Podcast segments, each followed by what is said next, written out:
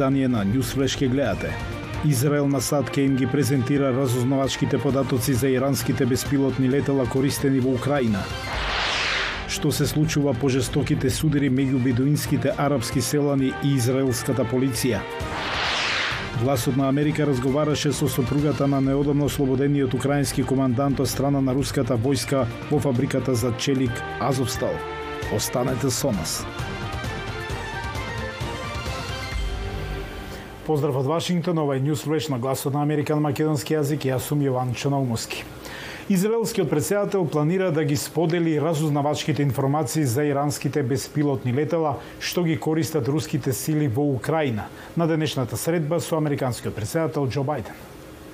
Од канцеларијата на израелскиот председател соопштија дека Израел има слики кои покажуваат на сличностите меѓу беспилотните летала соборени во Украина и оние тестирани од Иран во 2021 година, Иран негираше дека ги испорачал за Русија, а Русија негираше дека ги користела во Украина. Бајден вчера упати предупредување до Русија да не користи Балкана бомба или кое било друго нуклеарно оружје. Русија би направила неверојатно сериозна грешка со употребата на тактичко нуклеарно оружје, рече тој во вторникот кога новинар праша дали Русија организира операција под лажно знаме да употреби Балкана бомба и да ја обвини Украина.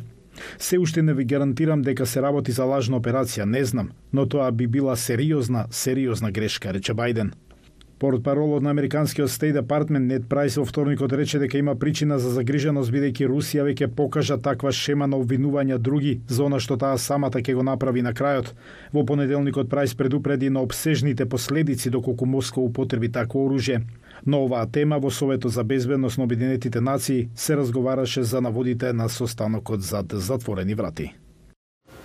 Серхи Волински беше еден од заробените воени команданти во фабриката за челик Азовстал. Тој неодамна беше ослободен. Гласот на Америка разговараше со неговата сопруга Руслана Волинска. Привит. Уште во првата секунда кога рече здраво, почнав да плачам и сватив дека тој конечно е слободен. Последен пат кога Руслана Волинска зборувала со незиниот сопруг Серки Волински било во мај, кога украинскиот морнарички командант заедно со другите бранители од челичарницата Азовстал конечно ја напуштија фабриката. Тогаш ми кажа да не се грижам, оти нема да има начин да зборуваме одредено време. Поминале точно 4 месеци и еден ден пред Волинска и незиниот шестгодишен син Саша Волински да дознаат дека тој конечно бил ослободен од руско заложништво. Волински стапил во контакт со неговото семејство на 20 септември, кога тој и 200 други украински војници под руско заложништво биле ослободени коли ја побачила Кога ја видов првата слика што беше објавена онлайн, онаа со ослободените команданти, не можам да сватам што гледам. И рече си во истиот момент Серхи ми се јави и среќно ми рече дека се било во ред и оти бил разменет за руски војници. Волинска вели дека било тешко да се распознаат луѓето на сликата, оти времето поминато во заложништво многу ги сменило тому що вони дуже схудли. Сите ослабнале, изгледаат драстично различно. Не секој можеше да го препознае, но јас го препознав. Едно од првите прашања на Волински било за неговите другари преку илјада украински војници останале во руско заложништво кога тој бил ослободен. Він просив мене дізнатись в своїх Тој сакаше да знае точен број на ослободени војници и да направи список од оние што имале помалку среќа и останале затворени. Му беше многу тешко што сите не биле ослободени. Но Волински веднаш не бил вратен во Украина. Како дел од договорот за размена на затвореници, тој мора да седи во Турција заедно со уште четири други команданти од Азовстал до крајот на војната.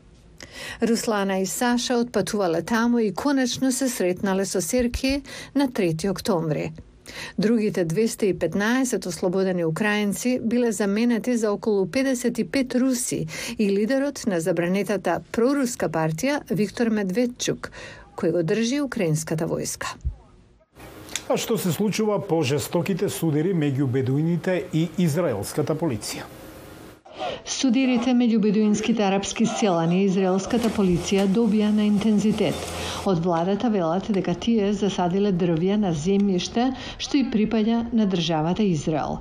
Но бедуините велат дека овој потек е од земање на земјиштето со цел да се земе уште повеќе од нивната племенска територија.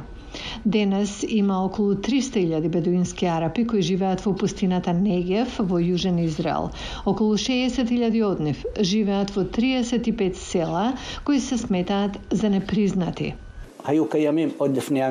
Овие села постоеле пред 1948 година, но владата не ги гледа како села. Ги нема на картата според државата, како да не постоја. Тоа значи дека нема услуги, нема локален совет, нема патишта, нема вода, нема струја. Околу 6000 бедуини живеат во непризнаеното село Алзарнук. Повеќето од нив живеат со пошироко семејство најмалку пет генерации. Ситуацијата е тешка овде. Немаме проточна вода. За електрична енергија имаме само соларни панели. Нема инфраструктура како канализација. Кога врне, има толку многу кал што децата не можат да одат на училиште. Бидејќи целото село се смета за нелегално, израелските булдожери постојано ги уриваат нивните домови. Ова е што остана урнатините на една од куките е всушност кукета на мојот брат. Таа беше урната во 2018 година и ова е резултат на израелската политика за уривање на куки на бедуините во така наречената непризнаена заедница. Видовме повеќе од 3000 уривања на куки во последната година. За прв пат во историјата сегашната израелска владина коалиција вклучува арапска партија предводена од Мансур Абас. Тој вети дека ќе ги подобри условите за живење на бедуините, вклучително и со легализација на 35 непризнаени села. Политиката на сите предходни израелски влади беше да се населат бедуините во градовите изградени од државата, но повеќето бедуини велат дека сакаат да останат во руралните средини.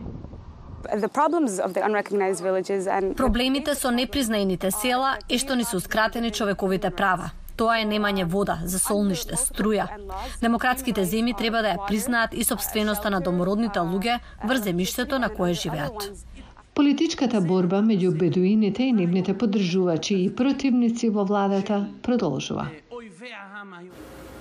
Кори Сутер е овчар кој направил бизнис користејќи го своето стадо овци за косење и услуги за одржување на тревници. Еве како изгледа тоа. All right, sheep. You guys ready to come out? Morning, sheep. Ba sheep. Ba sheep. I'm Corey Suter. Јас сум Кори Сутер. Јас сум собственик на веб страница и полусобственик со мојата сопруга на фарма од 2 хектари за органско производство.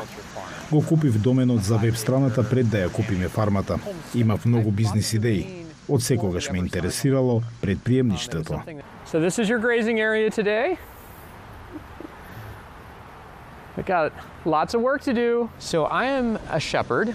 Јас сум овчар. Се грижам за ова стадо од 2016 година, а овците се независни изведувачи на операцијата. It looks like the young ones are are ready to go. I had been practicing Пет години ги вежбав овде на мојата фарма, пред да почнам да ги носам на други места. Bringing them out to other places. Cinnamon, you saying hi? Ова овца се вика Цимет. Моите деца им дадо имиња на овците.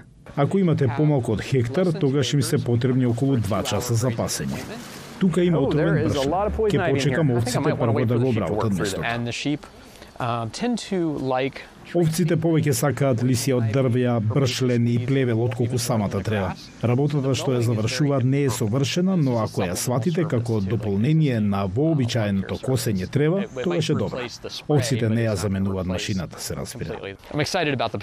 Во ова има многу потенцијал. На нас луѓето ни предстои светла иднина ако продолжиме да учиме и да работиме заедно со природата, наместо да се обидуваме да доминираме врз неа. Ете, и тоа е можно. Го гледате Ньюсфлеш на Гласот на Америка на македонски јазик. Јас сум Јован Чономовски од студиото во Вашингтон. Имајте убав ден. Пријатно.